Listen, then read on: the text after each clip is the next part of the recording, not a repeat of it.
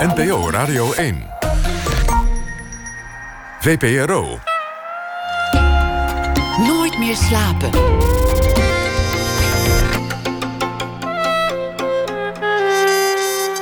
Met Hanneke Groenteman. Welkom bij Nooit meer slapen. Rond half twee komt schrijver en dichter F. Starik op bezoek. Die schreef een column bij het jaar dat bijna ten einde is. En ook beantwoordt hij vragen over leven en werk in de rubriek Open Kaart. En het komende uur zit tegenover mij Romana Vrede, actrice. Ehm, dit was, kan je wel zeggen, het jaar van Romana Vrede. Ze won uh, de Theodor, de belangrijkste toneelprijs in Nederland, voor haar rol in de voorstelling Race van het Nationale Theater. En ze speelt nu in de theaterhit van het afgelopen jaar The Nation, een marathon over een verdwijning in de Schilderswijk. Die voorstelling is overladen met een sterrenregen en de acteerprestaties van Romana Vrede zijn terecht bejubeld. Race is niet meer te zien. The Nation nog tot en met eind januari. Romana, goeienacht. Hallo. Um, is het jouw jaar geweest? Um, uh, ja, dus um, een vriend van mij zegt altijd... vandaag is mijn, uh, is mijn uh, favoriete dag, zegt hij iedere dag. Wat goed. Ja, dus ik, uh, ik zeg dit ook. Vanda dit jaar was mijn favoriete jaar. En waarom was het je favoriete ja, jaar? Ervan uitgaan dat volgend jaar weer fantastisch wordt. Hè? Is omdat ik uh, verliefd ben. Dus dat is heel fijn. En dat het met Charlie goed gaat. Uh, die kan steeds beter gebaren. Vertel even in een halve zin wie ja, wie Charlie, Charlie is. Charlie is mijn zoon. Hij is 15 jaar. Hij heeft klassiek autisme en een verstandelijke beperking. Hij kan niet uh, praten. Maar sinds uh, een jaar communiceert hij een beetje met gebaren. En dat blijkt dus een soort uh, vondst geweest te zijn. Dat hij, Geef eens een voorbeeld van een gebaar. mama. Kan heel je, goed. Je tikt nu op je wang. Ja, twee keer, mama. Um, of slapen, dat is gewoon, dat kan iedereen zich wel voorstellen wat slapen is. Of eten, doe je hand naar je mond toe. Drinken, maak je een gebaar van een beker naar je mond toe. Of kom, of uh, stil. Je doet nu echt als een soort dove tolk allemaal ja. gebaartjes. Ja, en het grappige is, is dat ik... Uh, voordat uh, ik wist dat Charlie met gebaren kon... Uh, dat Charlie dat kon leren... had ik al uh, drie jaar Nederlands gebarentaal gestudeerd.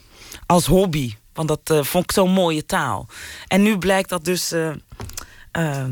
Uh, uh, bij elkaar te komen. Dus dit was het jaar van de communicatie met Charlie. Ja. Van de sprong in de communicatie. Ja. We ja. gaan straks nog veel langer over Charlie hebben.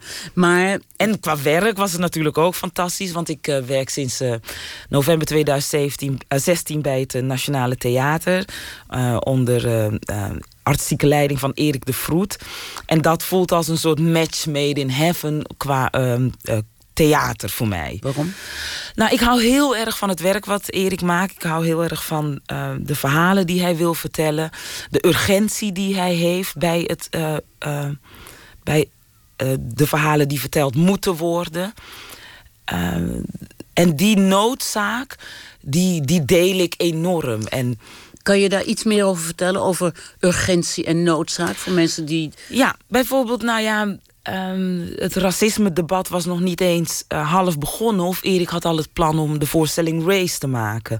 En Race gaat, um, heeft zelfs voor mij de ogen geopend op gebied van racisme of seksisme. Namelijk dat iedereen een blinde vlek heeft. Dat het niet zozeer gaat over de witte mensen die een blinde vlek hebben met betrekking tot hun slavernijverleden. Maar dat ook zwarte mensen een blinde vlek hebben over een bepaalde manier hoe zij uh, naar. Uh, hun eigen huidskleur kijken ten opzichte van een witte huidskleur. En dat je. Daar kwam ik dus achter dat ik misschien onbewust uh, bepaalde beelden heb over zwart, uh, zwarte mensen die waar. Uh, ik wist niet eens dat ik ze had. Je wist wel dat je zwart was. Ja. Nee. Nee, zie je, je keek gewoon nooit in de spiegel. Nou ja, dat, is een heel ander verhaal. Dat, dat is trouwens wel heel grappig, is dat toen ik jong was, had ik heel veel witte vriendjes. En dan hadden we een uh, verjaardagsfeestje. En dan uh, gingen we buiten spelen. En dan na het buitenspelen renden we zo naar binnen. Liepen we langs de gang. En in de gang hangt, hangt altijd een spiegel. Uh, en, dat we, en dat ik zo langs rende. En dat ik schrok. Omdat ik ineens dacht... Ineens, ik was, ik was het even vergeten dat het zo'n opvallend facet van mijn leven is. Of van mijn uiterlijke verschijning. Of als ik foto's van mezelf zie met mijn witte vriendjes vroeger, dat ik denk, dat is echt een heel erg opvallende kenmerk, die huidskleur van mij. En dat moest je eigenlijk van buitenaf af en toe kreeg je daar een omdat ik dat, van. Omdat Ja. mijn vriendinnen en mijn vriendjes mij dat niet iedere dag eh, eh, erop wezen. Van jij hebt echt een hele andere Die huidskleur. zagen het misschien ook helemaal niet nee, nee, En ik dus ook niet. Ja, En je zegt een race. ja dus ehm, race gaat over een advocatenkantoor waar een. Nou ja, Een- eh, twee ja. witte, een, een witte en een zwarte advocaat, mannen. ja, En daar komt een donkere advocaat bij. ja, precies. En dat eh, ben ik. En we krijgen een, een eh, case van een rijke witte man... die ervan wordt beschuldigd dat hij een zwart meisje heeft verkracht. En het, het grappige is dat David Mamet heeft dit stuk geschreven... voor Strauss-Kaan, voordat dat gebeurde.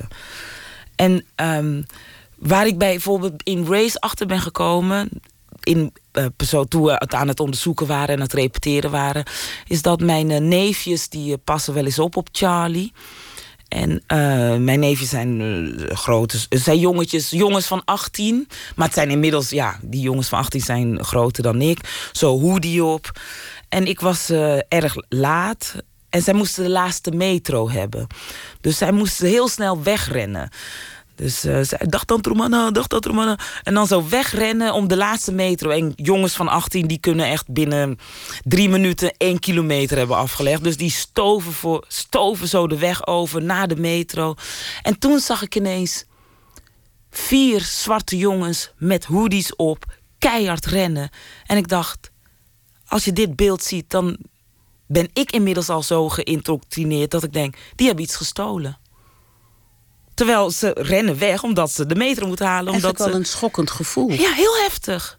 Dus dat ik ook, dus dat ik ineens dat beeld zo los zag zonder de context. De context was gewoon, ze moesten oppassen op hun Romana. autistische neefje en Ja. tante Romana was te laat omdat Ja. de voorstelling uitliep. Of omdat ze nog een borreltje wilde drinken. Maar het beeld los is vier zwarte jongens die weg, eh, die keihard wegrennen, eh, s s'nachts. En dat je denkt, er- is iets mis. Wat is daar gebeurd? En eigenlijk gaat race daar ook over. ja, hè? over die blinde vlek. Die niet alleen maar bij witte mensen zitten, maar dus ook bij mij. Bij zwarte mensen. En heb je het alleen bij dat incident met die, met die neefjes... dat je opeens denkt, ik heb ook eigenlijk de, de racistische bril op? Ja, nee, meerdere momenten. En die- we kennen al dat soort voorbeelden. Dat als je de, een, eh, een gamma of wat dan ook inloopt... dat je dan naar een... dat je dan automatisch naar een man, op een man afstapt... terwijl er ook meisjes daar werken. Dat zijn van die seksistische voorbeelden. Of dat je... eh, in Rotterdam bijvoorbeeld, dat is wel fantastisch. Dan sta je zo in de rij eh, bij een supermarkt... en dan hoor je achter je iemand plat Rotterdams praten. Echt zo plat draai je je om. Is het een meisje met een hoofddoek op? Of dan, eh, zie je, dan hoor je ergens verderop hoor je iemand echt zo praten dat je echt denkt: wat is er met hem aan de hand? Kijk om, is het een roodjarige jongen met sproeten? Weet je, dus het, eh, je wordt constant, eh, en dat is heel fijn aan Rotterdam. Al je vooroordelen, Ja. al je mechanismes die zo Ja. vastzitten. Ja. Worden, en daar is theater natuurlijk zo Klopt. goed voor. Hè? En daar ging Race over. En dat dus, En daar gaat de Nation eigenlijk, eigenlijk ook gaat de over. Nation daar ook over. Klopt. Nation, dat is dan zo'n marathon. Een soort Netflix op het toneel. Ja. Een Nederlandse Netflix-serie en dan op het toneel. En dan heel politiek Ja. urgent, zal ik maar zeggen. Om Ja. het een beetje modieus te zeggen. Wat heb je daarin meegemaakt? In, Ja. Want daar speel je ook een belangrijke rol in. Als de moeder, de biologische moeder van een jongetje wat verdwenen is. En waar die hele marathon over gaat. Nou, het, dat is, Erik de Vroet heeft dit stuk zelf geschreven. En eh, ook het concept bedacht en de regie gedaan. En eigenlijk, wat ik hier heb geleerd, is dat er nooit. ehm, dat er nooit één waarheid is. Dat eh, eh, het leven eigenlijk is als een diamant. Iedereen heeft zijn eigen facet, eigen perspectief op de waarheid. En, er valt steeds een ander lichtje ja, op. en dat is wat Ja. er in The Nation gebeurt. Eh, De pleegouders, gespeeld door Antoinette Jelgesma en Piet van der Sman... die hebben een bepaald beeld over eh, hoe ik als moeder omga. En ik heb weer een bepaald beeld over hoe zij met eh, mijn kinderen om zijn gegaan. Maar dat wil niet zeggen dat de een liegt en de ander de waarheid spreekt. Maar dat wil alleen maar zeggen dat iedereen zijn... Iedereen zit ook met zijn eigen oogkleppen op te kijken naar eh, de feiten. En dat maakt het soms zo complex in deze wereld. Daarom hebben we het vaak over nepnieuws, over alternatieve feiten. eh, of eh, over de lange lijn of korte termijn. En het is allemaal waar. Maar Maar hoe moeten we ons daarin bewegen als Ja. mensen? ja, dat, dat, is, dat vind ik soms lastig. Gewoon als Romana vind ik dat lastig. Omdat het omdat je je, voordat je het weet, surround je je, omgeef je je met mensen die het met je eens zijn. Zo in je links-elitaire kunstenaarsbubbel is iedereen het met me eens. En ik vind het zaak, en dat is wat Erik de Vroet heeft geprobeerd in The Nation... dat je je ook probeert te verdiepen in hoe is het voor een onderne on- on- ondernemer... hoe is het voor een politicus, hoe is het voor een witte politieagent in de Schilderswijk... hoe is het voor een geradicaliseerde jongere... Hoe komt iemand tot eh, zijn eh, eh, perceptie op de werkelijkheid? Maar ja, als ik dan in zo'n zaal kijk waar, Ja. ik, waar ik het heb gezien, nou was dat Amstelveen. Dat is natuurlijk ook wel weer een bepaald facet van de diamant. Ja. Dan zitten daar toch allemaal.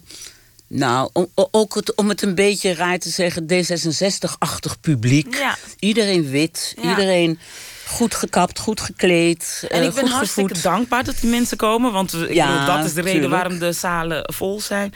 Maar bij Race was dat net iets diverser. En dat had ik ook heel graag bij The Nation gewild. Dat dat... dat, dat en dat is ook natuurlijk het ding wat wij als theatersector moeten doen. Wij moeten theater maken voor alle groepen. En op dit moment lukt het ons nog niet goed om ehm, verschillende groepen in de zaal te krijgen. Want The Nation is een, is een uitgesproken voorstelling juist voor mensen die eh, niet eh, gewend zijn naar theater gaan. Naar de Rotterdammers waar ik bijvoorbeeld tussen woon. Naar ehm, Marokkaanse, Surinaamse, jong, oud. Allerlei soorten mensen. Dus ja, dat is nog wel echt een ding. Dat lukt ons nog niet goed in het theater. Nee, dat komt natuurlijk toch omdat er een nergens echt gebouwde drempel ligt. Doe, wie gaat er zes uur in het theater zitten? Ja. Of twee keer drie uur Ja. voor pittig geld? En het- theaters blijven nog altijd... Het is geen, Ja, het is geen een soort, Ziggo eh, Dome of geen. Ahoy. Ja. Het is het theater, hè? Het heeft een beetje een soort connotatie van theater. Toch? Dat bedoel absoluut. je. Ja. Ja, dat bedoel ik, ja. Want mij is het ook gelukt om in theater te komen. En ik kom gewoon uit Rotterdam-Zuid. Hoe is dat dan gegaan eigenlijk? Ja, het leek me wel leuk, theater. Ik, het was echt gewoon de arrogantie van een eh, adolescent... die denken dat ze alles kunnen. Wat, wat, hoe was het voor je adolescentie? Toen dacht ik, ik word eh, leraar. Of ik- ja, ik heb eh, een jaar geschiedenis gestudeerd op de leraaropleiding. Twee jaar sociologie gestudeerd. Dus ik ga een gewoon vak doen. Maar dan op een gegeven moment word je twintig. En dan eh, denk je, eh, fuck it, ik wil gewoon doen waar ik zin in heb. Eens even kijken of ik theater wil doen. Zeg maar zo, die, die bravoer. Maar dat heeft niets te maken met dat ik uit een milieu kom... of uit een omgeving waarin theater, zeg maar, bonton was. Dus dat heb ik... ehm, Wat, wat was er bonton in jouw, laten we zeggen, eh, vroege jeugd? Ehm, nou, mijn moeder die heeft rechten gestudeerd. Dus die is, ehm, die is eh, jeugdrechter. En mijn broer die heeft een eigen eh, zaak. En mijn andere broer is ambtenaar. En hoe, hoe was dat gezin? Was er ook nog een, Vader? Nee, mijn ouders zijn gescheiden toen ik eh, twee was. En toen is mijn moeder geëmigreerd naar Nederland met haar vier kinderen. En mijn vader is toen in Suriname gebleven. Dus die ken ik niet zo goed. En die was monteur. Dus eh, dat was. ehm, en ik wilde dus lerares worden. Of ik wilde dokter worden in eerste instantie. Dus ja. En waarom ik theater ben gaan doen. Ik weet ook nog wel dat mijn moeder tot mijn dertigste zei. En wanneer ga je dan een, wanneer ga je dan een echt vak? Wanneer ga je dan normaal? Zei je moeder dat? Die toch rechter was? Ja, ja, en wanneer ga je dan... Die vond theater niet een echt vak. Ja, typisch Romana. Die gaat dan weer... Dat je echt denkt, dat is toch niet... Is dat wel een vak? Wat Toen je dertig was? Ja, tot met... Ja, ja, ja, zeker. Echt waar? Ja, dat dacht... Oh, Tot die oh, tijd oh. dacht ze, dat wordt niks. Ja, gewoon typisch Romana. Die, die zoekt weer iets wat eigenlijk helemaal niet kan. Die gaat dan weer acteur worden. Dat is ook echt weer zo... Dat is toch geen vak? Dat is toch niet... En wat tekende zich af in je puberteit eigenlijk? Wat voor, wat voor meisje ging er uitbotten uit, uit, het, uit het kleine Romana? Nou ja, ja, ja het, het grappige is, is dat ik. ehm, dat, het- dat het best wel een rare eh, samenloop van omstandigheden is geweest. Want ik was. eh, tot mijn tiende was ik een jongen. Een, ehm, ehm, eh, en werd ik ook altijd aangesproken als eh, jongetje. En dat vond ik heel tof. En daarna. eh, ik in de, toen ik in de puberteit kwam, kwam ik erachter dat dat dus een probleem was. Dus werd ik heel meisjes. Want er begon alles uit te botten. En dan Nee, omdat is mensen dat raar vonden, mijn omgeving. En dan word je gevoelig voor wat mensen Ah, ja. van je vinden. Dus dan dacht ik, oh ja, ik kan er niet, mag niet meer als een jongen eruit zien. Ik moet een meisje worden. Dus heel veel make-up. En toen ehm, werd ik... Had je ook lang haar? Ja. Of een Ja. afro, dit of dat? Ja, hele lange vlechten had ik. En Echt? Heel, ja, heel veel Je make-up. wijst nu iets aan als Rapunzel ongeveer, Ja. maar goed. Zo voelde het wel. Die vlechten die... Jawel, tot mijn kont. Oké. Ja. En, eh, en toen werd ik verliefd op een jongen. Ik werkte toen in de McDonald's. Ja, het is een heel gek verhaal. Je werkte in de McDonald's? Ja, op mijn zestiende, zat gewoon op de HAVO. En toen werd ik verliefd op een jongen. En die was Jehovah's getuige. Of ik vond hem leuk. En toen ging ik met hem mee naar de gemeente. En toen ben ik drie jaar lang Jehovah's getuige geweest. Gedoopt en langs deuren gegaan. Echt waar? Ja, Met je, met je voetje tussen de deur van, met de wachttoren. met de wachttoren, ja, en de ontwaakt. En de ontwaakt. Ja, en dat was een hele fijne tijd. Want? Omdat het antwoord was op alle vragen waar je als puber tegenaan loopt. Namelijk het hoe, waarvoor, waartoe, waarom. Dat was allemaal te vinden in de ontwaakt. In, in de Bijbel. Ja, dat is te vinden in de Bijbel. Ja, is ook zo. Ik ja, bedoel, dat tuurlijk. is wat heel dat is gewoon de. Dat is een heel goed verhaal, die Bijbel. Ja, ja dat is gewoon het, dat geeft, heeft antwoord op al je onzekerheden. Ja. Nou ja, ik bedoel, en het had erg gekund. Ik bedoel, je, je kan ook op je zestiende enorm gaan eh, blowen. Maar Of dit, in een andere secte gaan. Maar goed, dit is ook wel een beetje een secte natuurlijk. Ja, maar mijn moeder vond het op zich wel best. Want eh, het was christelijk en het was eh, braaf. Dus het was oké. En dat was tot mijn negentiende. En toen kwam ik toch in een soort rebel. Kwam er in mij naar boven. Was je nog steeds verliefd op die jongen van de Nee, Jehovah's? nee, nee. Maar je bent op eigen kracht daar toch drie jaar gebleven. Ja, ja. Dus al je vrije tijd ging, ging Ja. daarin zitten. Ja. En je voelde je daar thuis en veilig Ja. en, Ja. en gerustgesteld. Ja. Ja, het is heel prettig. Ja, en de buitenwereld eh, deed nog niet zo'n beroep op je. Ik bedoel, wat er Nee. gebeurde in de wereld verder. Nee, totaal niet. Nee, Nee, nee, nee, nee, nee, daar nee. ben je niet mee bezig. Nee, je Nee. bent alleen maar bezig met het einde der tijden. Met Armageddon, dat eraan gaat komen. En dat we... ehm, ehm, dat God ons zal redden. Dus dat dat goed is. Het is gewoon een soort warm bad. Het is een kussen. Het is veilig. Ja, Ehm, en toen op mijn negentiende, toen brak de hel los. hoe dan? om het maar even in Joofs getuigentermen te houden, is dat ik toen misschien begon met mijn puberteit. Toen ging ik eh, ehm, uit, ging ik eh, dansen in discotheken, eh, ecstasy, vriendjes, werd ik model. Toen was jouw Armageddon toch echt aangebroken. Ja, dat soort Sodom en Gomorra zou je dat misschien oh ja, kunnen tuurlijk. noemen. Ja. En dat was, een, dat was ook een waanzinnige toffe periode. Toen heb ik model gezeten voor onder andere Corneille. De schilder? Ja, dat was te gek. En ik had een vriendje die was kunstenaar. Dus ik was op allerlei kunstbeurzen, op de biennale. En ik was een soort noviteit natuurlijk. En, eh, Je was natuurlijk enorm wauw om naar te kijken. hè? ja. Had je toen nog die vlechten, die Rapunzelvlechten? Ja, ja. ja? En, en, en dat voor Corneille zitten, hoe, hoe was dat dan? Die maakte nooit gelijkende portretten. Dus wat, wat dat deed jij dan als model voor Het hem? enige wat ik me kan herinneren, maar dat heeft ook te maken met zo'n verwend gedrag van twintigers, is dat ik. Ik moest naar. ehm, oh ja, dat was die een galeriehouder. Of zijn agent hier in Nederland. Hij moest 2000 lito's ondertekenen. Dat moeten kunstenaars wel eens doen. En dat is zeg maar kutwerk. Dat vinden ze niet tof om te doen. Dus wat hij had gedaan, die uh, galeriehouder, die had zo 2000 lito's. Um, met ons meegestuurd. Mijn vriendje en ik, die gingen, dat dan, uh, gingen dan naar Parijs rijden. En, uh, en ik daarbij als cadeautje kan niet meer in deze tijd. Nee, kan je dat niet meer zeggen? me too, maar goed. Maar het was, ik was een cadeautje, zodat het voor Corneille de aankomende drie dagen, want zaten daar drie dagen, dat hij tussen tijdens het lito's uh, signeren. signeren af en toe mij kon schilderen. Oh, hij hoefde verder niks met je te doen. Nee, hoeft hij alleen maar te schilderen. schilderen. Maar het was wel, ik, maar je wordt dan wel gestuurd, meegestuurd als een soort cadeautje. Ja. En ik vond dat best. Maar wel bij Corneille. Ja, daarom. en ik vond het hallo. best. Het enige wat ik me kan herinneren is dat ik dat ik ongesteld was. En dat ik. Uh, ik heb daar volgens mij een keer een scène in een voorstelling over gemaakt. Dat ik ongesteld was en dat ik een puist op mijn voorhoofd had. En dat ik een beetje. Ik was een beetje moe. En gewoon zo verwende twintiger dan in Parijs zitten. Ja. En, dan, en dan in slaap vallen tijdens het poseren.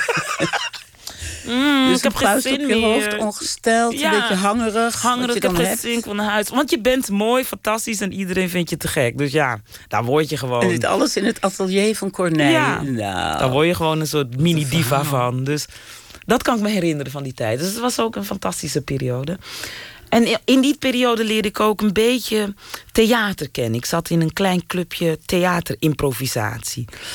En dus ook met diezelfde bravoure en arrogantie dacht ik... oh, misschien wil ik wel actrice worden. Vind ik wel wat voor je mij. Je speelt jezelf ook zo goed. Het is jammer dat, dat ik het alleen maar zie. Je speelt jezelf zo goed. Oké, okay, dan wil ik actrice worden. Ja, precies. En, en dat je denkt, nou, even kijken uh, auditie doen. En dan gelijk aangenomen worden ook. Dat is ook weer. Weet je, dat soort arrogante, arrogante mensen worden ook altijd beloond. Dat is ook.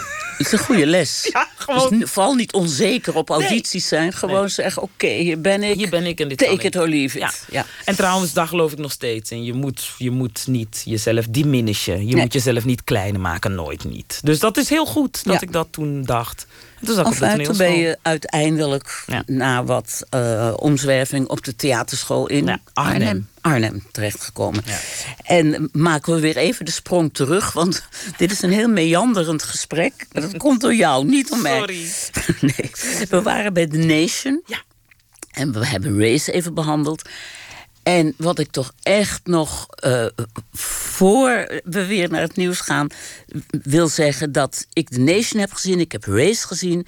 En ik heb, omdat ik jou ging interviewen, een opname mogen zien van een voorstelling.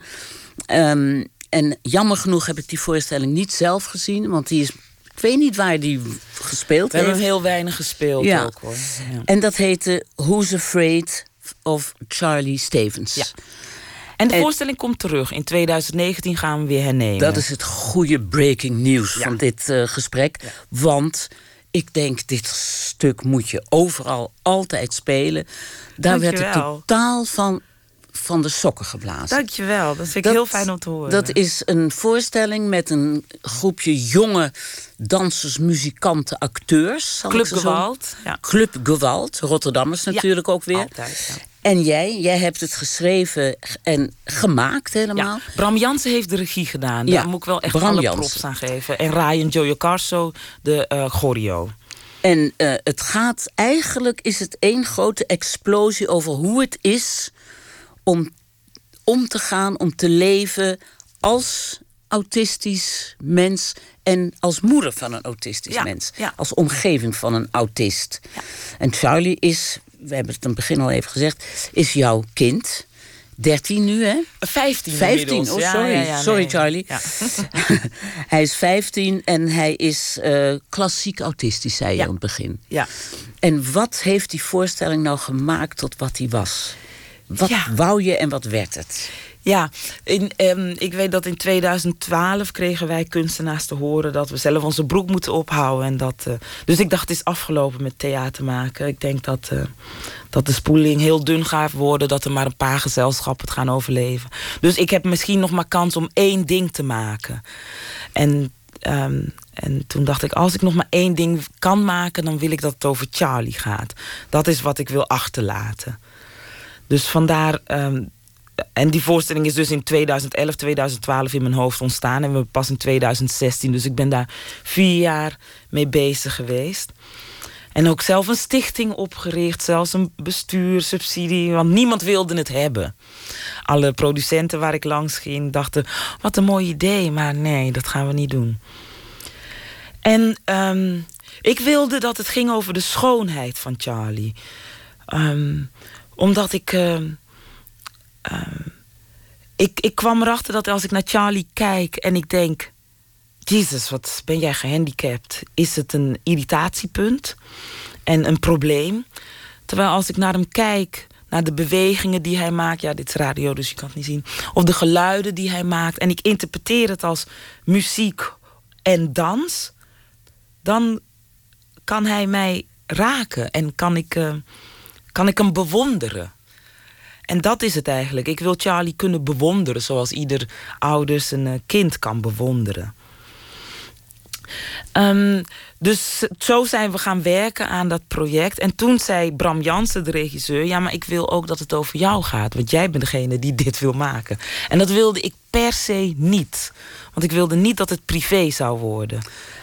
Ik ga je nu onderbreken, oh, maar we gaan zo meteen door. Oké. Ja. En dan gaan we zeker over deze voorstelling over Charlie door. Maar wij uh, moeten nu even plaats maken voor het, het nieuws. Ja. En ik wil in ieder geval zeggen... Ja, we hebben ook nog Corneille en alles Ja, gehad. klopt, hè? ja. We hebben zoveel behandeld al. Ik wil wel zeggen dat die voorstelling... Who's Afraid of Charlie Stevens... ook heel erg over jou gaat. Ja. En over alle mensen die dingen moeten, het hoofd moeten bieden in het leven, zal ik maar Ja. zeggen. Zullen we nu even naar het nieuws gaan luisteren? Komen we zo meteen weer terug. Yes.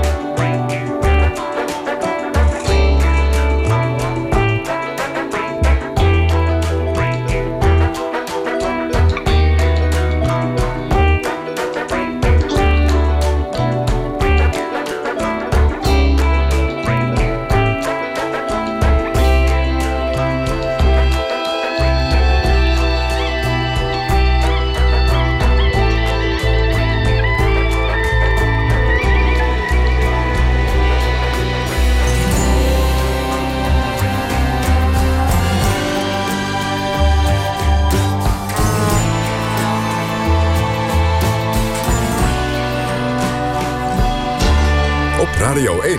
Het nieuws van alle kanten.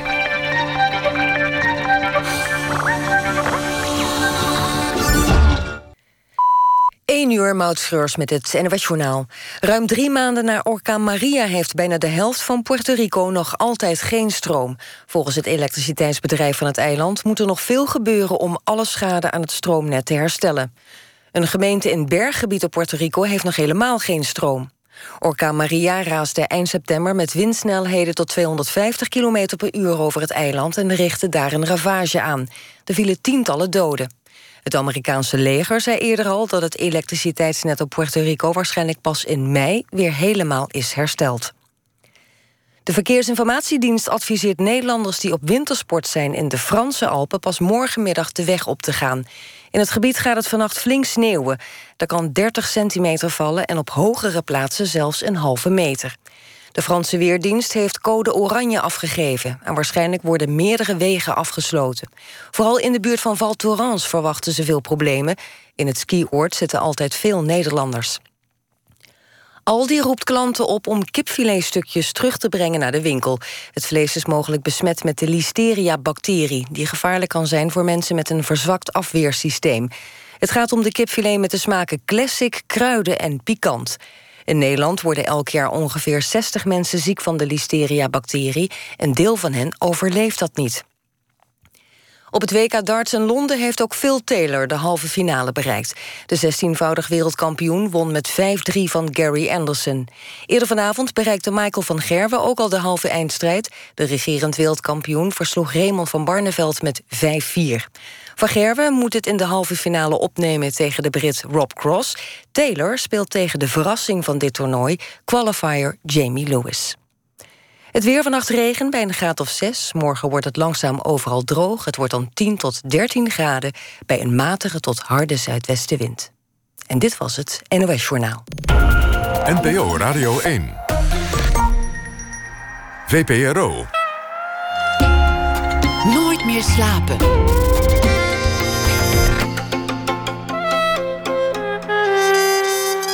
Met Hanneke Groenteman. Welkom terug bij Nooit meer slapen. Tegenover mij zit nog steeds actrice Romana Vrede. Ze kreeg dit jaar de Theodor, de prijs voor de beste actrice van het afgelopen seizoen. En uh, op dit moment schittert ze in The Nation, theaterfeuilleton over hun verdwijning in de Haagse Schilderswijk. En um, we hebben het gehad al eerder over The Nation, Ja. even. Over Race, ook een stuk waar je... Daar heb je trouwens de Theodor voor gekregen. Um, over een advocatenkantoor en gaat ook over racisme. En we hebben het gehad over um, jouw eigen voorstelling... waar je jaren aan hebt gewerkt. Who's Afraid of Charlie Stevens... En dat is uh, een hele fysieke, intensieve voorstelling over ja, je autistische zoon Charlie en zijn moeder. Want Ja. het gaat niet alleen over Charlie, het gaat ook over de weerbarstigheid van een leven met een zware autistische jongen. Ja. Um, je zei, ik wou eigenlijk een stuk maken wat over hem ging. Over zijn, eigenlijk ook de schoonheid, maar ook over. Maar het gaat, ook erg over jou, hè? Precies, en dat is wat Bram Jansen, de regisseur, de ex expres in wilde. En wat ik eigenlijk, waar was, was ik heel huiverig tegen, omdat ik niet wilde dat het privé zou worden. Maar hij zei, ja, maar voor mij ben jij de degene waardoor ik Charlie ga snappen. Um, dus dat hebben we er toch ingekregen. En waar het om gaat is eigenlijk de onmacht. Dat zit er nu in. De onmacht en tegelijkertijd de liefde voor um, een kind wat je niet snapt. Dus uh, Charlie die heeft, uh, de laatste tijd valt dat wel mee, maar die heeft heel veel woede aanvallen. En nu is hij bijvoorbeeld heel groot en heel sterk. En dan valt hij me echt aan, maar niet zeg maar uit een soort uh, dat hij om zich heen slaat, maar gewoon gericht en bewust mij proberen uh, pijn te doen. Door bijvoorbeeld mijn ogen uit te willen drukken. Of uh, daarom heb ik ook geen, heb ik mijn haar heel kort. Want dat deed hij vroeger. Of je aan je haren trekken, of je kleren kapot trekken, of je nek proberen om te draaien. Beangstigend? Be zeer beangstigend. En op dat soort momenten denk je. Maar waarom hou jij niet van mij? Wat, wa, wat, wat doe ik fout? Uh, doe, hè, doe ik het niet goed? Of kan jij geen liefde voelen? Dus dat, dat, dus, dat zijn mijn vragen. Want Charlie heeft gewoon autisme. En die is op dat moment bijvoorbeeld overprikkeld. En die kan zich op geen andere manier uiten. Maar ik weet dat Charlie zijn vader... die had het ook altijd over... ik ben al... Uh, toen Charlie pas acht was... ik ben al acht jaar tegen jou aan aan het praten... en je hebt nog geen woord teruggezegd. Zo, hoeveel liefde kan je geven... en hoeveel terwijl je zoveel, uh, soms heel veel pijn terugkrijgt voordat het stopt. En dat is een beetje het ding met moeders. Het stopt niet. Kan, kan je het. Een heel rare niet. associatie. Kan, kan, ik heb een, een poes die nogal ja. onvoorspelbaar is. en ook mijn kleinkinderen zijn ook bang voor die poes. Ja. En ik hou ontzettend veel van hem. Maar ik ben ook een beetje bang voor hem. Is het daarmee te vergelijken? Ja, als jij van mening bent dat je die poes. Hoe dan, dat jij verantwoordelijk bent voor die poes. Dat, die, dat je de enige bent die er is voor die poes. Dat het jouw taak is, jouw zorg. Hij is totaal afhankelijk van en mij. En niemand zal dat van je overnemen. En niemand zal. Ik bedoel. Heel veel mensen zullen zeggen: joh, breng die poes naar een asiel. Waar heb je het over? Trouwens, dat zeggen ook heel veel mensen over Charlie. Breng hem naar een instelling. Waar heb je het over? Dit, dit moet je niet pikken. Misschien hebben ze wel gelijk. Mijn moeder zegt dat zelf. Van dit kan je niet aan. Dit is te zwaar. En daar komen we ook nu wel achter hoor. We zijn zo stilletjes aan op zoek naar een plek waar Charlie fulltime zorg kan krijgen. Omdat hij te sterk en te groot wordt. En... Ja. En om, ja, dus ik zeg bijvoorbeeld in de voorstelling: ik zie mijn moederrol vaak meer als een opdracht dan een verlangen uit moederliefde. Soms, en dat is heel heftig om toe te geven, maar het, is, het voelt als: ik, dit is mijn taak, dit is wat ik hoor te doen. Ik ben jouw moeder, ik ben de enige die je, uh, jou niet weg kan doen en zal doen. Dus dit ga ik dragen. Er zit ook een, uh, zit één kreet in die voorstelling, die ik alleen maar als registratie heb kunnen zien. Ja. Dat jij roept, en dat, dat klinkt nog altijd in mijn hoofd. Doe normaal! Ja, ja. Doe normaal, roep je tegen hem. Ja. En daar zit zo verschrikkelijk veel wanhoop en liefde in. Ja, normaal doen. Ik, ja, ik weet nog dat, uh, dat uh, onze coach vroeger zei, want dan stond Charlie, toen was hij nog jong, toen was hij nog schat, dan stond hij naakt in de vensterbank te dansen, weet je, zo dat soort dingen. Maar dat vond ik als jonge moeder ook al gek. Was hij drie en dat ik zei, ja, maar ik wil gewoon dat hij normaal doet. En dat zij zei, ja, maar misschien is voor, is voor hem dit normaal. Is dit voor hem normaal? Soms. Of dan waren we laatst op de markt en dan. Uh, hij tikt iedereen aan. En sommige mensen willen niet aangeraakt worden. En dan was er een, um, toevallig een, een, moslima. En die tikte hij op de billen aan. En Charlie lijkt gewoon nu op een man. 15. Ja. ja. maar hij heeft ook al een snor. Hij is fysiek voorlijk. En toen ging, zijn, uh, ging haar uh, partner, haar man, ging helemaal los op Charlie. Je moet met je poten van mijn vrouw afblijven. What the fuck doe je? En Charlie stond er zo naar te luisteren. En ik stond er zo'n beetje in een freeze, stond ik ernaast... terwijl die man helemaal los ging op Charlie. En toen liepen we naar huis en toen zei ik... nou, dit doen we dus ook nooit meer met jou naar buiten gaan. Dit kan dus ook niet, Charlie. Ik, ging, ik, ik was gewoon helemaal... Ja, gefrustreerd op Charlie ook of zo. Dat, dus daar zat ook... Waarom kan, je niet, waarom kan jij niet gewoon normaal doen? Waarom moet jij iedereen aanraken? Want nou krijgen we dit soort dingen dus. Het is belachelijk, want het is natuurlijk die man die losging op Charlie. Maar ik dacht, ja, je moet die mensen ook niet zomaar aanraken. Nou ja, iedere keer. Kijk, als je Charlie krijgt. Ik ga nu gewoon onzin kletsen, geloof ik. Maar goed, als je zwanger bent, je, je, je fantaseert over je baby. Ja. Nou, um, al gaandeweg komen de eerste teleurstellingen. Ik, ik bedoel, bij jou. Ja. Nou, ook als je een heel goed Klopt, ja. Maar goed. Reguliere kinderen. reguliere kinderen, dat is ook afstrepen ja. van uh, illusies. Maar goed, um, even bij Charlie natuurlijk helemaal. Ja. Als je langzamerhand ontvouwt zich het patroon... Dat je een kind hebt dat heel autistisch is... nooit zal praten, nooit zal reageren zoals je wil. En toch, in de loop van al die jaren heb je veel geleerd. Veel bijgesteld. Ja. Maar dan toch denk je, we gaan naar de markt en dat kunnen we. Kan, iedere keer zijn er weer kleine dingen die dus niet kunnen. Ja. En moet je weer. Een soort constante rouwproces. Of bij iedere nieuwe fase, of soms bij ontwikkeling of omstandigheden, word je weer geconfronteerd met het feit dat hij autisme heeft.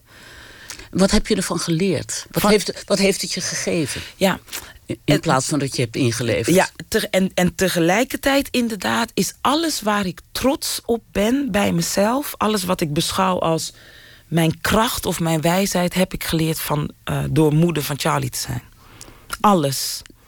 Voorbeelden?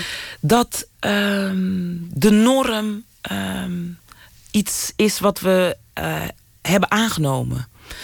Um, ver, ver? Dus wij hebben bijvoorbeeld bepaald dat het uh, normaal is om op een stoel te zitten. En niet om een stoel te gebruiken als danspartner. Want Charlie gebruikt zijn stoel als danspartner. Dat wil niet zeggen dat wat wij. Uh, dus dat wat wij doen is normaal. Maar dat is dus niet de enige waarheid. Wij hebben dat gewoon met elkaar bepaald dat dat de norm is. Dat is een jas. Het is iets wat we hebben gezegd van... dit is hoe we nu op een stoel gaan zitten. Maar ja, er zit wel een soort logica in. Ja, absoluut. Maar er zit ook een soort logica in om met een stoel te gaan dansen. Namelijk Charlie's logica. De logica van een kunstenaar. Hm. Ik zeg, ik heb t-shirts voor Charlie laten drukken... waarop staat, ik ben geen autist, ik ben een kunstenaar. Want hij kijkt naar de wereld en is telkens op... en wil hem telkens opnieuw vrij interpreteren. Ze zien een paar een piep. Of... Uh, Margriet. ja, gewoon altijd... En communicatie. Wij hebben met elkaar besloten dat communicatie door woorden gaat. Charlie heeft besloten om niet te communiceren, besloten tussen aanhalingstekens, niet te communiceren met woorden, maar met geluiden of met aanraking of met bewegingen. Dat wil niet zeggen dat onze manier van communiceren de enige juiste manier is, maar het is een manier van communiceren. Dus dat de norm iets aangenomen is. Dat, we dat, dat is een soort tool waarmee wij werken. Het is een hele fijne tool hoor. Ik bedoel, het is goed dat we niet allemaal Charlie's zijn in deze wereld, want dan krijgen we niks voor elkaar. Maar het, het is wel goed om te beseffen dat het niet de enige echte waarheid is. En dus met alles. Er is niet één manier van schoonheid. Er is niet één manier van intelligentie. Er is niet één manier van mens zijn. En wat heeft dat jou in je gewone dagelijkse leven en je werk... dus ik bedoel niet eens in je omgang met Charlie, dat snap ik. Dat je daar heel veel hebt geleerd, bijgesteld en dat het je verrijkt heeft. Wat merk je daarvan als je gewoon... Ja, op straat loopt of zo. Dat ik, of toneel moet spelen of wat dan Als ik op straat loop merk ik, en ook nou, als ik op straat loop merk ik dat ik toleranter ben. Dat ik denk, hmm, zo kan je ook in het leven staan. Als ik bijvoorbeeld, uh, weet ik wel... Nou, een paar jaar geleden vonden we mensen met hoofddoeken vonden we eng. Nu zijn we er een beetje meer aan gewend. En nou, dat ik we. Ja, ja, niet helemaal. Niet, niet helemaal iedereen in Nederland, hè? Ja. Eh, maar in ieder geval dat ik, dat ik hè, dat was natuurlijk een vorm van vrouwenonderdrukking. En dat ik toen al vanaf het begin dacht, ja, is dat zo?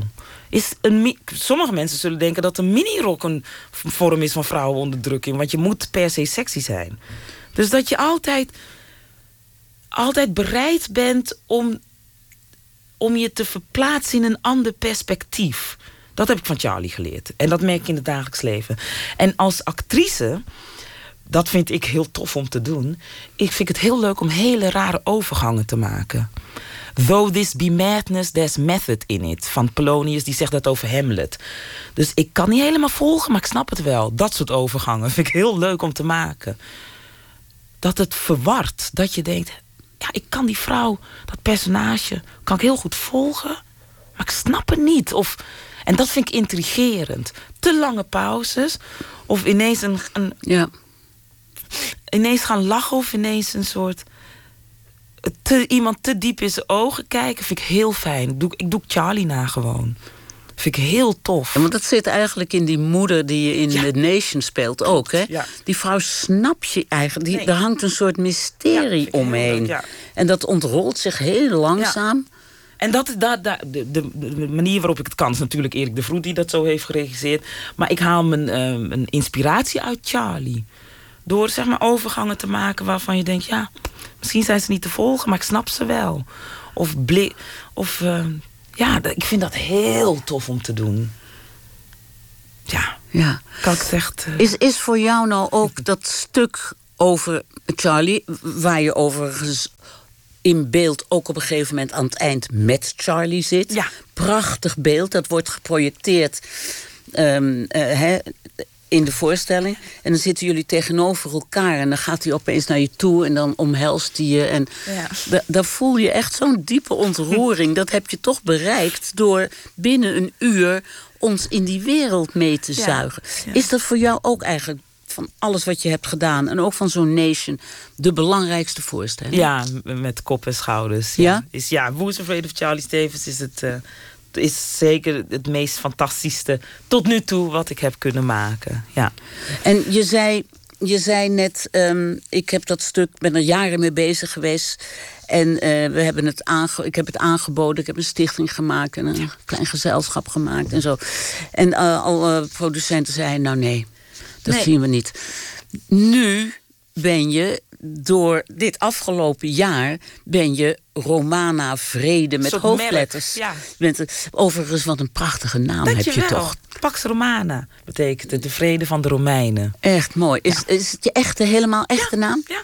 Wat een, wat een cadeautje Ja, zeg, als je dat krijgt. Goed, maar nu ben je dus het merk Romana Vrede. Je bent tafeldame af en toe bij De Wereld Draait Door. Wat natuurlijk al helemaal Ja. de, de top van de Olympus is. Belachelijk eigenlijk, toch? Waarom? Dat dat de top van de Olympus is. Ben je twintig jaar theater aan het maken... en dan sta je een beetje zo keuvel praten aan de wereld draait door tafel. soort aan de bar hangen. Gesprekken zijn het eigenlijk. Hoewel Matthijs fantastisch is natuurlijk. Maar, en dat is, dat is zeg maar de top van de Olympus. Terwijl wat er in het theater gebeurt... dat is de ware Olympus. Maar ja, Ja, maar wat vind je daarvan? Dat nu, nu- kijk, als je nu Ja. met jouw voorstelling, als je nu zegt: Ik heb een voorstelling Ja. en theaters boek het maar voor 2019, Ja. dan staan ze in de rij hoor. ja zeker. Ja. Dus dat is tof. Ehm, Maar ook een beetje dat ook je een beetje denkt, eh, bizar, ja. ja. Eh, een collega van mij, Hein van der Heijden, die, die had gezegd... eh één keer bij De Wereld Draait Door zitten...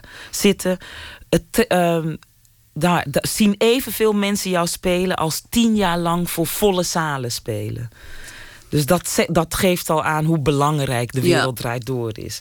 En als iemand, zoals Peter van der Meers laatst zei... The Nation, dat, was, dat moet je zien... Dan, eh, dan explodeert de telefoon bij de kassa. Dus het is een heel, heel belangrijk eh, marketingding. En ehm, Wat vind je, van de, wat vind je daarvan dat deze tijd zo verschrikkelijk veel met merken en marketing eh, te doen heeft? Ja, is de reactie dat misschien zo'n beetje... Ja, wat doe je eraan? Je, nou, het enige wat je kan Nee, doen doe- is er gebruik van maken. En dat doe ik graag. Dus ik kies wel zo'n beetje uit, zorgvuldig, wat ik leuk vind om te doen. Maar waarvan de mensen van marketing bij het Nationale Theater ook denken van... oh ja, dat is goed. En, eh, dus ik maak daar gebruik van. Want het allerbelangrijkste is dat ze voorstellingen zoals The Nation, Race of Who's Afraid of Charlie Stevens zien. Dus als ik op die manier het publiek naar de zalen trek, ja, dan doe ik dat. Dan eh hoereer ik mezelf graag. Of hoereer, dat is een groot woord. Maar dan stel ik mezelf graag ter beschikking. Mhm. Om de mensen naar het theater En kan te je krijgen. trouw blijven aan jezelf? Ja. Ja. Ja. Han- hand- Ja. zwe- je zweert Ja. voor. Ja, ja ik krijg daar zelfs juist heel veel ehm, eh, eh, opmerkingen van, van vrienden. Dat ze zeggen, ik herken je gewoon als ik je hoor praten. Heel blij om. Komt door Charlie. Komt ook door Charlie. Die helpt je wel relativeren. Die zet je wel gewoon weer met beide benen op de grond. Hoe doet hij dat dan? Hij, Charlie gaat niet mee in de waan van de dag. Hij gaat mee in zijn eigen waan natuurlijk. Dus het, ik verander niet voor zijn, in zijn hoofd. Hij is ook helemaal niet blij als jij bij de wereld eruit door hebt gezeten, natuurlijk. Dat kan hem waarschijnlijk helemaal niet Het kan hem schelen. niet zoveel schelen. Misschien Kijkt dat hij wel, denk je? Ja, ik denk dat hij, want hij, als, hij, als, hij bij, als ik bij de wereld draait door zit, dan zit hij bij zijn vader. En ik denk dat ze dan wel de televisie aan hebben. En dat hij gewoon zo met grote ogen zal kijken van, hie, hie, die kennen zoiets. Want hij praat niet, hè? Nee, nee. Nee. Ehm, maar, eh, hij, ik, maar hij helpt mij wel met beide benen op de grond staan in de zin van dat. Ehm, aan het eind van het liedje kom je er gewoon achter. Wat is werk? Ja, dat heeft natuurlijk iedere moeder, denk ik. Maar wat is werkelijk belangrijk? En Charlie gaat niet mee in een soort. Deze wereld die wij met elkaar hebben gemaakt. Hij heeft zijn eigen wereld. Ah, dat is het. Dus, om, dus daardoor blijf ik altijd zien van... oh ja, dit is maar gewoon een manier van in de wereld staan wat ik doe. Net zoals hij op zijn manier in de wereld staat. Het is allebei even waar, allebei even belangrijk. En het, het grap- grappige is dat die werelden elkaar niet, niet met elkaar vervlechten zoals gewone kinderen Nee. met ouders. Nee. Die elkaar toch imiteren. Kinderen Klopt. imiteren ouders Ja. en wilden het worden Ja. wat je ouders willen dat je wordt. En Ja, Die gaan dan, ja precies, dus dan is de wereld van de volwassenen, dat is het streven. Ja. En daar gaat zo'n En kind daar vorm je de kinderen Ja, naar. En dan ben je ja. trots Het is heel als lelijk om te zien. heel hoog op de cito-toet Ja. zitten. En Het is heel lelijk om te zien. Ik maakte vroeger, of speelde ik voorstellingen bij eh Maastheater en Dans Jeugdtheater. En dan eh, speelde je voor kinderen van acht. En dan ging je zo dingen fantaseren dat je zei: dit, eh, deze put gaat naar een andere wereld. En eh, ga er maar even op staan. Dan tel ik tot drie, dan ben je in een andere wereld. En dan telde je zo af. En dan zei je: hoe was het? En dan kinderen tot 8, 9 die zeiden dan... Ja, ik was in eh, Zambia en toen zag ik een groene tijger. Die gaan dan mee. Terwijl ze 12 zijn, dan zeggen ze... Dus ik ben helemaal niet weggegaan. Ik sta gewoon hier op deze put. Waar heb je het over?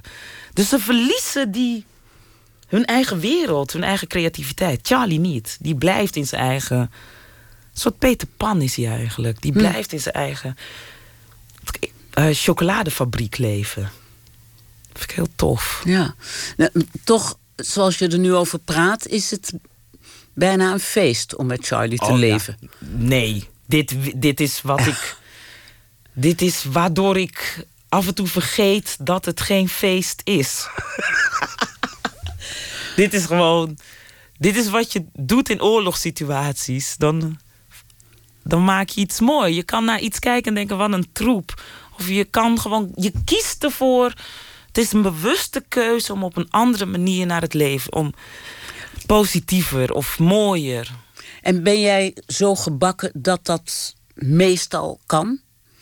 Ik begrijp best dat je af en toe wel eens baalt of zo. Of Ja. moe bent of wat Ja. dan ook. Maar door de bank genomen, ben je sterk? Ja, ik moet wel zeggen dat ik. eh, dat ik soms. En dat is de reden waarom we nu op zoek zijn naar een plek waar Charlie fulltime zorg kan krijgen. Is dat het, eh, dat het misschien een beetje begint aan te voelen nu als eh, werk. En eh, dat, het, dat die droom opdroogt. Nou, de droom niet. Want ik blijf natuurlijk Charlie beschouwen als de meest creatieve, fantastische goeroe die er is. Maar de dagelijkse confrontatie houdt, ja, maakt het lastig. Ja, maakt het lastig. Het wa- zwaar. Misschien word ik ook ouder. Misschien. Kijk, je bent eigenlijk. Ik ben nu al 15 jaar voor Charlie aan het zorgen. En hij is eh, eh, eigenlijk een soort kind van 18 maanden in een lijf van een man van 25. En bij mij drogen de verzorgende Hormonen. hormonen op. Want ik ben 45, dus ik ben eigenlijk klaar met billen verschonen. En met iemand omgaan die een kleuter is. En dus dat houdt op. Ik heb eigenlijk behoefte stiekem naar een ander soort leven, merk ik. Waarin ik niet die constante zorg heb. Ja. Misschien wil je ook iets meer verzorgd worden. Ja. Ja. Goed idee, toch? Ja. Ik nu zomaar. Je zei aan, helemaal aan het begin van het gesprek. ehm, eh, ik ben verliefd. Ja, daar, dat heeft hiermee te maken. Vertel. Klopt, want ja, ik ben eigenlijk. Mijn vriendin bijvoorbeeld, die vindt het absurd hoe mijn leven in elkaar zit. Dat ze denkt, ja, maar jij bent nooit vrij. En eigenlijk door haar, want dan gaat ze, dan gaan we maandagavond, eh, zijn we een keer naar de sauna gegaan. Nou, ik dacht, what the fuck, wat is dit voor, naar de sauna? Een beetje zo ontspannen. En zij was, ik, nou, ik, ik, zij was eigenlijk gechoqueerd door mijn verbazing. Ik ken dat niet. Je, gaat niet. je moet gewoon weer werken. Als ik niet werk, heb ik Charlie. Ik vind het heel lastig dat als ik niet. Als ik Charlie niet heb en ik werk niet, weet ik niet wat ik met mijn dag moet doen. Dit is niet gezond, hè, wat ik nu beschrijf. En zij eh, eh, ziet dat. Zij houdt mij die spiegel voor. En doordat zij dat zeg maar zo voorhoudt, kwam ik erachter ineens hoe moe ik ben. En hoe hard ik aan het werken ben. Het probleem met jou is een beetje dat je er natuurlijk nooit moe uitziet. Ook dat. Je hebt altijd zo'n mooie, Ja. donkere, felle kop. En ik geniet ook zo ontzettend Ja, van mijn werk. er Ik beschouw ja. mijn werk niet als werk, maar het is natuurlijk wel werk. Ik bedoel, een dag vrij zijn is niet raar. Maar gewoon een soort willen werk. Gewoon bang voor stilstand. Bang voor de ondraaglijke lichtheid van het bestaan. Voor die kaalslag. Een beetje in zo'n sauna hangen. Ik vond het ook namelijk ook een beetje... Saai. Ja, hol ook. Dat je daar zo in zo'n... Zo van, en hoe gaan we elkaar nu inspireren? Waar, waar is het boek? Welk item gaan we dan nu bespreken? Nee, we gaan hier gewoon een beetje ontspannen en lekker eten. Dat is gewoon de, de ondraaglijke lichtheid en leegheid van het bestaan af en toe. Dat vind ik best heftig, confronterend. Maar dat moet af en toe natuurlijk Ja, moet dat? even. Waarom moet dat? Unwinden gewoon. Ja. Alles moet even stil liggen, gereset worden om weer door te kunnen. Maar jij bent ook iemand die constant bezig is geweest met theater, politiek, kunst. Ja, maar ik ben een totale luiaard vergeleken bij jou. Als ik dat nu hoor. Jij eh, eh, eh, geeft mij het beeld van een totaal uitgebrande, uh, geburn-oute... Nee, je bent niet een eh, uitgebrand iemand. Jonge moeder. Iemand die, Die net al een- 45 is, klopt. Ik Ja, maar goed, jij hebt natuurlijk een verlengde Ja. jongmoederschap. Ja, klopt. Waar die baby altijd... En jonge moeders worden gewoon ook heel uitgeput. Alleen, dat komt goed. Ja, na drie, vier jaar dan gaat zo'n kind weg. Klopt, het is exact dit wat je zegt.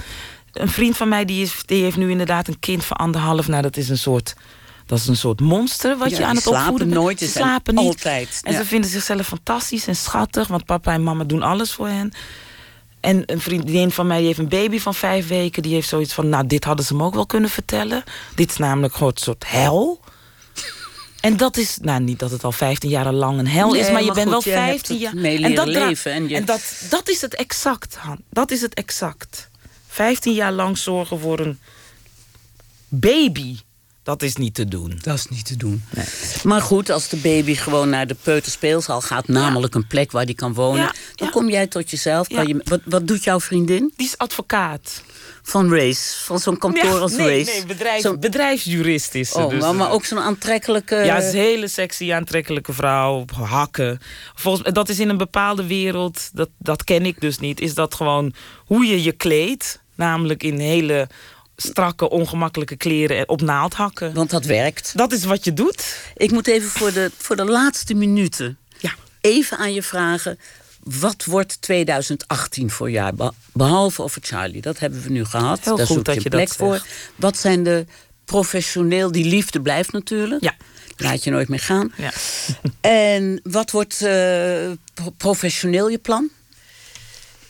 Het hele jaar zit echt bomvol bij het Nationale Theater. Ik ga de Oresteia ga ik doen. Wat ga je spelen in Ornstein? Cassandra. Wow, Ja, daar heb ik heel veel zin in. Lijkt me echt te gek. dat is toch van... eh, je kan zeggen wat je wil als je niet Ja. geloven. Ja. Ja, En wat er dan gebeurt als je weet dat je de waarheid spreekt, maar niemand gelooft je. Hoe Ah. je je dan gaat gedragen. Word je dan gek? Word je cynisch? Daar ben ik benieuwd naar. Eh, Dus daar heb ik heel veel zin in. Ik ga een voorstelling maken met Jeroen de Man. Ik ga een voorstelling maken met Daria Dukvic. En ik ga ook een voorstelling maken met Erik de Vroet. Dus ik heb het aankomende jaar. En ik zit ook in allemaal hele toffe, leuke projecten. Een eh, film die ik ga maken. Eh, ik speel nu een klein rolletje in Moordvrouw, wat ik heel tof vind. Ga je dus- ook nog wel eens een lekkere romcom doen? Nee. Nee. Nee. Geen, geen romantische comedies. Nee, nee. Het moet urgent blijven en ter zake doend. Nou ja, ik zit nu in Moordvrouw. Dat is niet echt Oh, zeg maar, nee, actueel dat is niet het urgent. stuk. Nee. Maar het is wel heel tof. Want het, het, wordt wel heel, het is wel heel leuk om een, een rol te ontwikkelen. Ik vind het wel leuk gewoon om toneel te spelen of te acteren. Dit is wel jouw... eh, De sterren staan goed, hè? Ja, ik hoop het, ja. Ja, De, de sterren op, op de Nation waren al. Je had die Theodor. ja, ja. Je gaat nu een, een propvol jaar tegemoet met Ja. hele mooie producties. Ja. Dat nationale toneel. Theater gaat ook Theater lekker, ja. Is, eh, is een eh, spraakmakend gezelschap aan het worden. Ja. Ja, ben dus- gelukkig? ja, ik ben heel erg gelukkig, maar ik, we gaan het, maar ik moet wel zorgen dat er meer balans komt. Dat is nog wel een uitdaging. Dan geef ik je als advies dat je iets vaker met je vriendin naar de sauna moet. Oké, dankjewel. Ik was heel blij mee zijn met dit advies. Ik vond het heerlijk om met je te praten. Ik ook. Ik sta weer voorbij. Ik, ga er, ik heb er veel van geleerd. Misschien eind volgend jaar wordt, volgend jaar wordt weer jouw jaar. Ja. Dus wie weet zit je hier ja. weer. Ja. Dankjewel, Romana. Dankjewel, En ga voorzichtig naar huis. Ja, ga ik doen.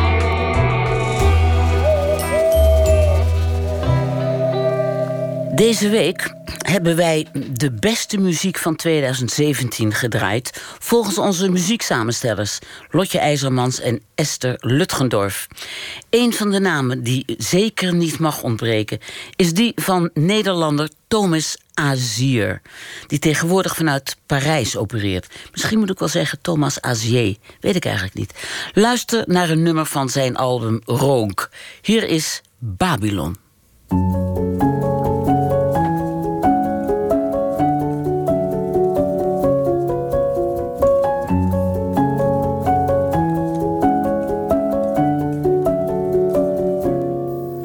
See the marbles in the garden have a sadness in their eyes, and all the birds return to silence in a lonesome paradise. Cause I got madness in my arms, but you're my lucky charm. And all the birds return to silence. Get some sleep and I'll be fine.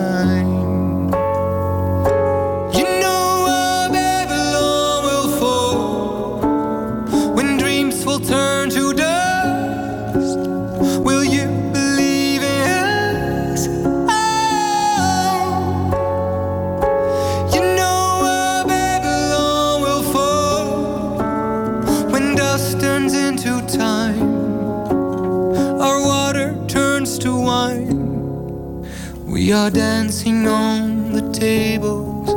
We are lovers taking baths. And we're the royals in a fable. And the neighbors make us laugh.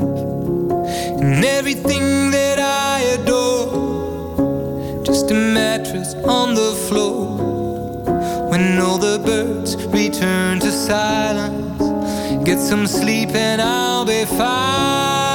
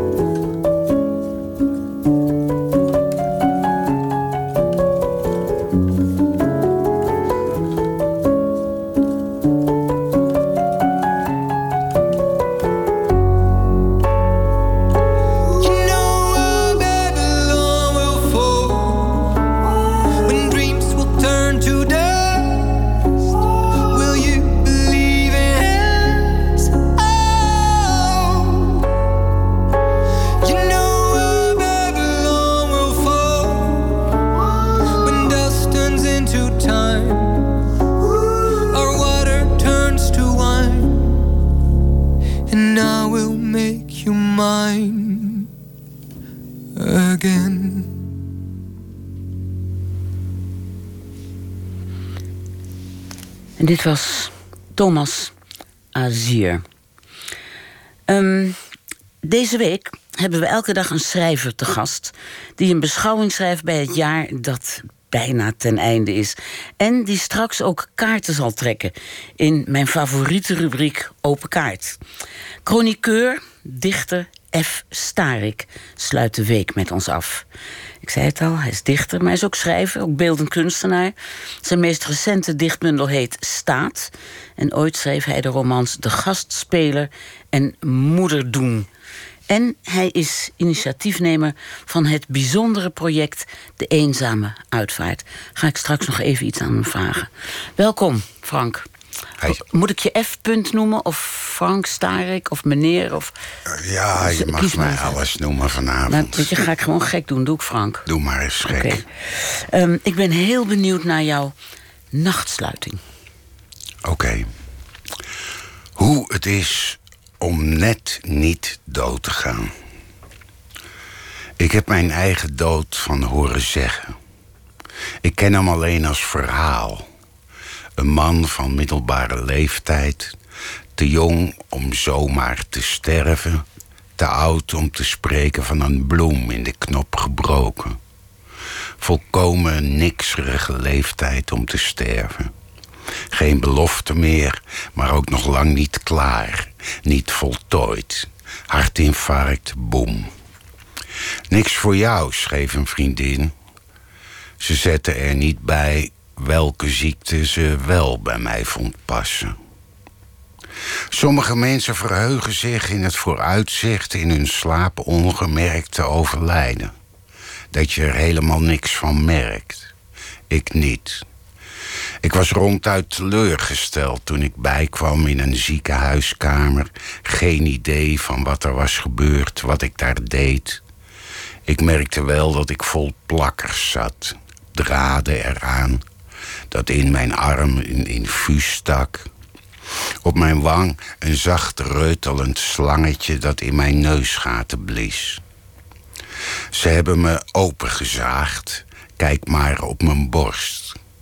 Daar hebben ze een hand met een witte plastic handschoen erom ingestoken in het gat dat zo was ontstaan. Of ze hebben mijn hart gewoon uit mijn lichaam getild om in te knijpen, dat kan ook. Ja, ik heb het overleefd. Ik weet niet eens zeker of mijn leven nu in twee stukken is gebroken. Een vriendin, weer echtgenoot, vorig jaar overleed. Ze waren dertig jaar samen. Verdeelt haar leven heel nadrukkelijk in de periode voordat en de periode nadat hij haar is afgenomen. Daar zit de breuk. Ik weet dat ik van de doktoren nooit meer zag, zal mogen drinken, nog roken. Ah, een gezonde leefstijl, die moet je je aanmeten. Zo'n gezonde leefstijl, dat betekent ook een ander bewustzijn. Als je het tenminste nog een paar jaar wil volhouden. Op een beetje respectabele leeftijd wil sterven, zeg 70. Voor een schrijver en zeker voor een dichter met zijn boheme levensstijl is dat al mooi zat. Popmuzikanten worden gemiddeld ook maar 27. Maar ik wil per se niet zomaar ongemerkt wegglippen. Ik was altijd zo goed met de dood. Hij mag mij niet achteloos meegrissen uit een ziekenhuiskamer, omringd door apparaten. Ik vind vooral dat ik recht heb op een aandachtig sterfbed. Op openslaande deuren, op het geruis van de stad, op gordijnen bollend in de wind, op mijn innigst geliefden om me heen, op een berustende glimlach, op een voor iedereen, op voor iedereen een laatste, welgekozen woord, op een traag wegzakken in behagelijke kussens. Ik wil een lange tunnel met aan het eind heel zwak in het eerst, maar allengs sterker, een helder en juist licht. Net als in de film. Ik wil het net als in de film. Hier word ik heel stil van. Net als in de film. Daar worden de mensen ook altijd heel stil. Ja. Ik wil even een stukje muziek horen.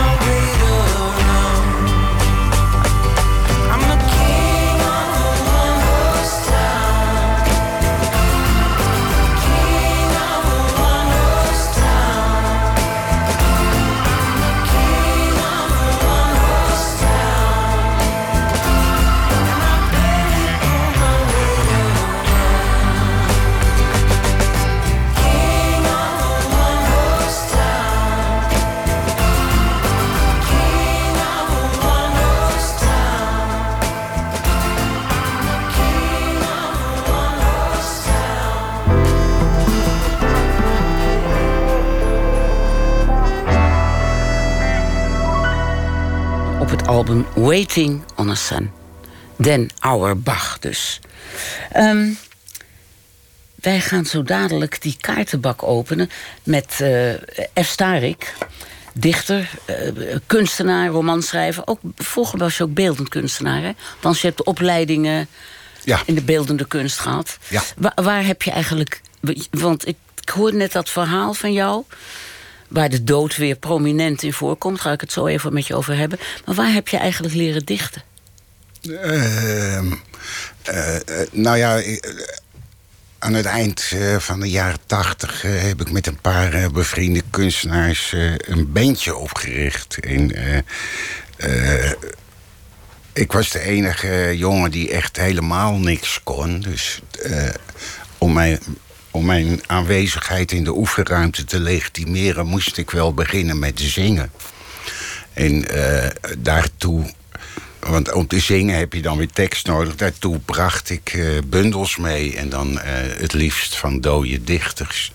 En zo is het concept van de band Willem Kloosgroep ook ontstaan. En, dat is eigenlijk mijn leerschool geweest om teksten strak te trekken en toch muzikaal uh, draaglijk te maken. Ja.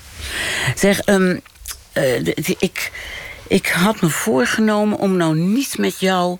Jij bent initiatiefnemer van um, uh, dat, dat beroemde project De Eenzame Uitvaart... waarbij mensen die kippen nog kraaien op de wereld hebben... en als ze sterven eenzaam sterven...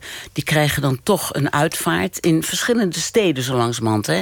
Nou ja, het is ooit begonnen in Groningen. In Groningen is begonnen. Uh, uh, toen de dichter Bart F.M. Droog tot stadsdichter werd benoemd... dacht hij, dat is het mooiste wat je als dichter kan doen. En dat was ik hardgrondig met hem eens. Bij een eenzame uitvaart, bij een onbekende... Een... Als iemand, laten we zeggen, onbeweend het graf ingaat... om daar een gedicht bij te schrijven. Je hebt daar een stichting voor opgericht. En uh, ik ken hem natuurlijk uit Amsterdam, maar het is in meerdere steden. Ik hoorde dat Rotterdam er weer mee op was gehouden, hè? Uh, ja, in Rotterdam was het geen gelukkig huwelijk. Nou, in de zin van. Begrijpelijk. Uh, dat het heel moeizaam liep tussen de gemeente en de daar opererende dichters. En, uh, maar hier heb je toch inmiddels... De, de, de, de, wethouder Hugo de Jong, die inmiddels... Die met die schoenen? Uh, die met de schoenen. Die nu die minister is, of minister is, is geworden. Uh, die voelde er ook allemaal niet zoveel voor. Dat is een merkwaardig oh? fenomeen. we zijn ook ooit bezig geweest of we zijn bezig geweest. Er was ook ooit een wethouder in Almere die dacht uh, dat het een goed idee zou zijn om ook daar de doden met een gedicht uh, weg te brengen. En toen heeft burgemeester Jorritsma daar een stokje voor gestoken. Maar uh, uitdrukkelijk geflankeerd door de CDA het CDA, moet je gelooflijk, uh, geloof ik zeggen. Uh, uh, de christendemocraten blijken een uiterst functionele opvatting over de dood te hebben. Van, ach, die dode hoort het toch niet. Nee, voor wie doe je het eigenlijk? Voor wie doe je dat? Nou, en, in ieder geval heb jij nu toch een hele groep... Je bent ook stadsdichter van Amsterdam geweest... en je hebt een groep niet de minste dichters die allemaal um, die een, een, uh, opgeroepen worden als er weer iemand uh, onbeweend, om het jou te spreken, sterft. Jij doet het zelf ook af en toe.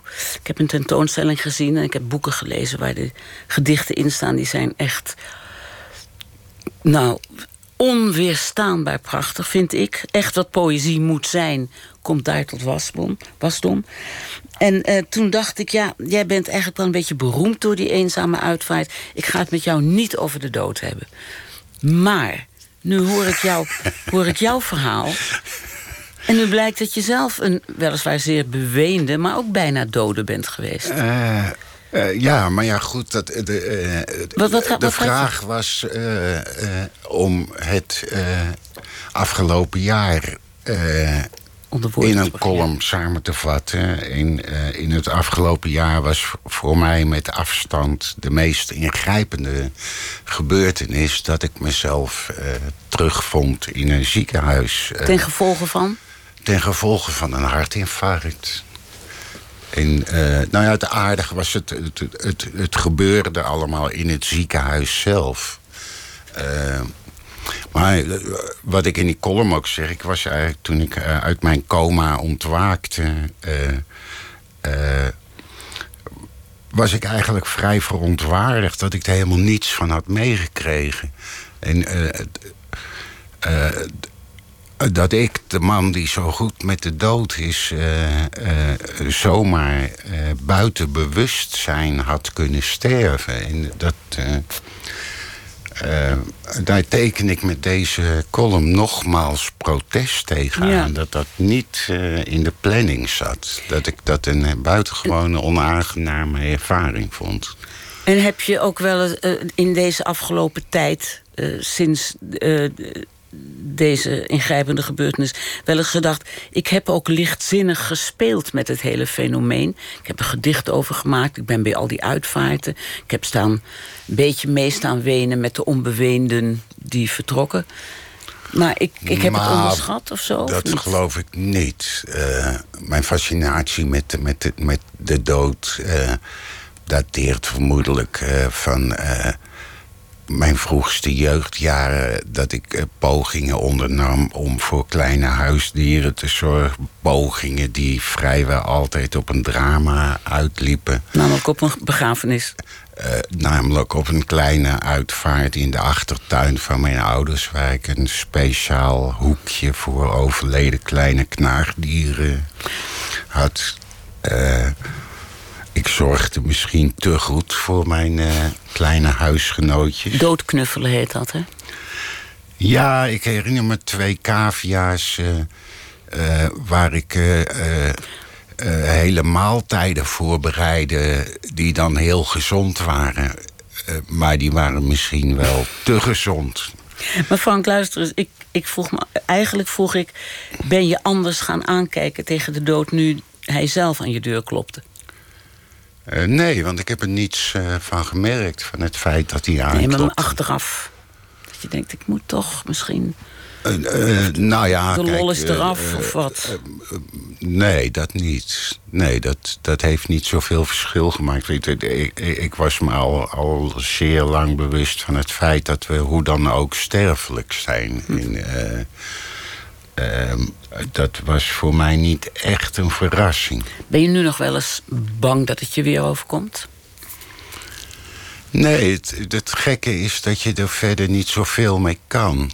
Eh, net zoals eh, uitvaartleiders helemaal geen sombere mensen zijn. Nee. Je kunt niet altijd leven in het besef van je eigen sterfelijkheid. En eh, eh, dat is iets wat je eigenlijk tamelijk achterloos weer terzijde schuift. En, eh, eh, nou ja, goed, je moet, je, moet eh, eh, je lichamelijk eh, aanpassen aan de nieuw ontstane situatie. En dat, dat doe je dan zo goed en kwaad als het gaat. Hoe is het leven zonder drank en vrijwel zonder sigaretten? Nou, uitstekend vol te houden. Eh, Mensen die veel drinken, want jij dronk best veel...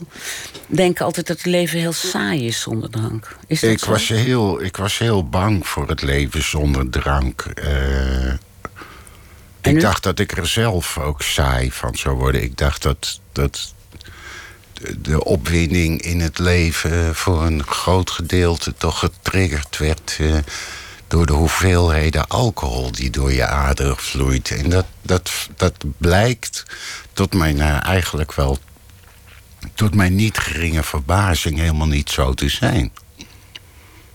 Je kunt, je kunt ook.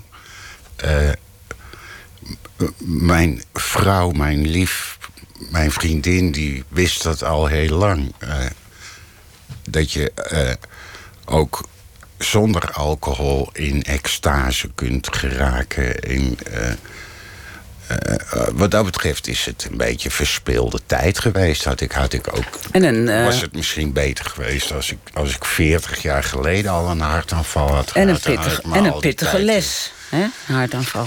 Zeg, luister eens Frank, we moeten gewoon naar die, naar die... Ik had nog zo graag gewild dat je voor mij... het gedicht wat ik eigenlijk boven mijn bureau heb hangen... van jou zou voorlezen, maar dan kunnen we die hele open kaartendoos wel vergeten. Het gedicht wat je hebt gemaakt bij de dood van Eberhard van der Laan. En dat is zo'n prachtig gedicht. Dat misschien Ja. kunnen ze dat nog eens op een site. Het heeft in het parool gestaan. van, Eberhard van En- der Laan, de, de burgemeester, eh, die dit jaar overleden... was ook een hartstochtelijk liefhebber van de eenzame uitvaart. Ja, En was dat beschermheer ook. Erg, ja. Ja. hij heeft dat altijd heel erg eh, gesteund. En, eh, eh, eh, ik, ik beschouwde hem eigenlijk wel als een soort vriend. Ja. Ja. Het hart van de stad. Dat hart, dat was jij. Maar hij was ook een buitengewoon hartelijke man. absoluut, En, absoluut. altijd de vraag als je hem tegenkwam: rook je nog? Laten we naar buiten gaan. Want die rookt te veel. ja. Oh. Ja. Ik, ik, ik, ik was Maar even... dat laatste jaar niet meer. Dus, eh, Nee, nee, dat is te laat. Luister ik heb hier de, de open kaartenbak. Want daar gaat deze rubriek eigenlijk over. En niet over hartinfarcten en dode burgemeesters, maar over open kaarten. En jij moet een kaart uitzoeken. ik ben altijd gefascineerd door de stilte die er eh, valt wanneer iemand een kaart. eh, Ja, want je luistert ook altijd, hè? Ik luister graag naar dit programma en ik hoop u ook, lieve luisteraar. De vraag luidt: ben je goed in je werk? Nou ja, oké. Eh, ik, hoop het. Ik heb lang gewerkt om. Ja, weet ik niet. Ja, ja ik denk dat, dat het wel degelijk met oefening te maken heeft, maar ik, ik durf zomaar te zeggen: het is toch nacht. Ja, ik ben goed in mijn werk. Ik kan niet anders dan dit onderschrijven. Ik ga je niet tegenspreken. Ik ben het met je eens. Neem nog een kaart. Wat is je favoriete gereedschap? Hij zit verkeerd om. Dat Nou, vind ja. ik nou echt weer Oh, je niks. wil hem niet zien van... Je wil Ik hem... wil niet zien wat ik trek. Oh, nee. Wat is een persoonlijke daad van rebellie geweest? Jeetje, dat heb vind ik wel echt een moeilijke vraag. Daar weet ik geen antwoord op. Rebellie. Heb je, heb je een associatie bij het woord rebellie? En, en jijzelf? Nou ja, ik weet het niet. Ik ben natuurlijk, eh, zoals eh, iedere puber, een opstandige puber geweest. En, en hevig in eh, conflict met het eh, vaderlijk gezag. Maar heb ik daar ook echt een daad in gesteld? Daad van rebellie. Heb je ooit wel eens je kont tegen een krip gegooid? Ja, een beetje recentelijk. Niet uit de puberteit. Dat vind ik Nee, niet dat, de interessant. puberteit. Dat is gewoon een Ik hormonenkwestie. sprak gisteren een vriend, eh, kunstenaar, Mijnbert Goosenwijn van Soest. En we hebben een tijdje feesten georganiseerd eh, in de kring, de kunstenaarssociëteit. en eh, een van de, de- de- Wij noemden dat de tentoonstelling van een feest. En dus, dan scheiden we bijvoorbeeld het publiek eh, van de feestvierders. En dan mocht je door een hek, dan bouwden we een hek. En dan mocht je door een hek naar de feestvierders kijken. Ja. Eh, maar eh, eh, toen heb ik eens, eh, ja, nu zou dat niet meer kunnen. Heb ik eens mijn gehele bovenhoofd kaal geschoren. En daar had ik dan een pet op gezet. In die tijd dat je een reclame voor shampoo. eh, head and Shoulders. heeft u last van Roos, haaruitval? ja, roos en of haaruitval, roos? Nou, ja. ik niet. En door dat petje af te zetten, bewees ik dan dat ik dat wel had. En eh, ik, heb, ik had de aardigheid in om dan in de supermarkt bij eh, bijvoorbeeld het de zuivelschap te gaan staan. En dan als iemand een dit- pak melk eh, Ja, ja. uit het schap minuut, greep, dan zei ik... ik zou het niet doen, want ik heb gisteren ook van dat spul gedronken... en dan nam ik mijn petje af. Dat Ja. vond ik waarlijk een daad van rebellie. Oké. Het is jouw feestje. Je hebt nog één minuut voor de laatste vraag. Kijk. Wat beschouw je als succes? Ja, wat beschouw Nou. je als succes? Eh, ik denk uiteindelijk dat succes niet bestaat, behalve in huiselijke kring. Eh, dat je goed eh, met je omgeving omgaat en eh, in harmonie met eh, je naasten en geliefden leeft. Ik, ik zou er toch aan toe willen voegen dat je niet meer drinkt en zo goed als niet meer rookt, vind ik ook wel een succes. Kijk, het is zo gemakkelijk om succes te hebben. Echt wel. Frank, ik eh, bedank je voor je aanwezigheid hier. En ik wens je een heel goed uiteinde en een buitengewoon goed 2018. Dat wens ik de luisteraars trouwens ook. Dit is de allerlaatste Nooit Nou, meer en- slapen van dit jaar. En eh, maandag ontvangt Pieter van der Wielen Geert-Jan Knoops.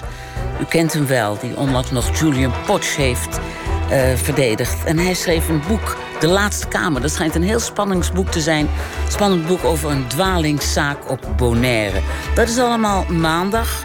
En ehm, straks kunt u luisteren naar Joop Radio. En ik hoop dat u het hele volgende jaar, te beginnen met maandag, blijft luisteren naar Nooit meer slapen. Goedenacht. Op Radio 1, het nieuws van alle kanten.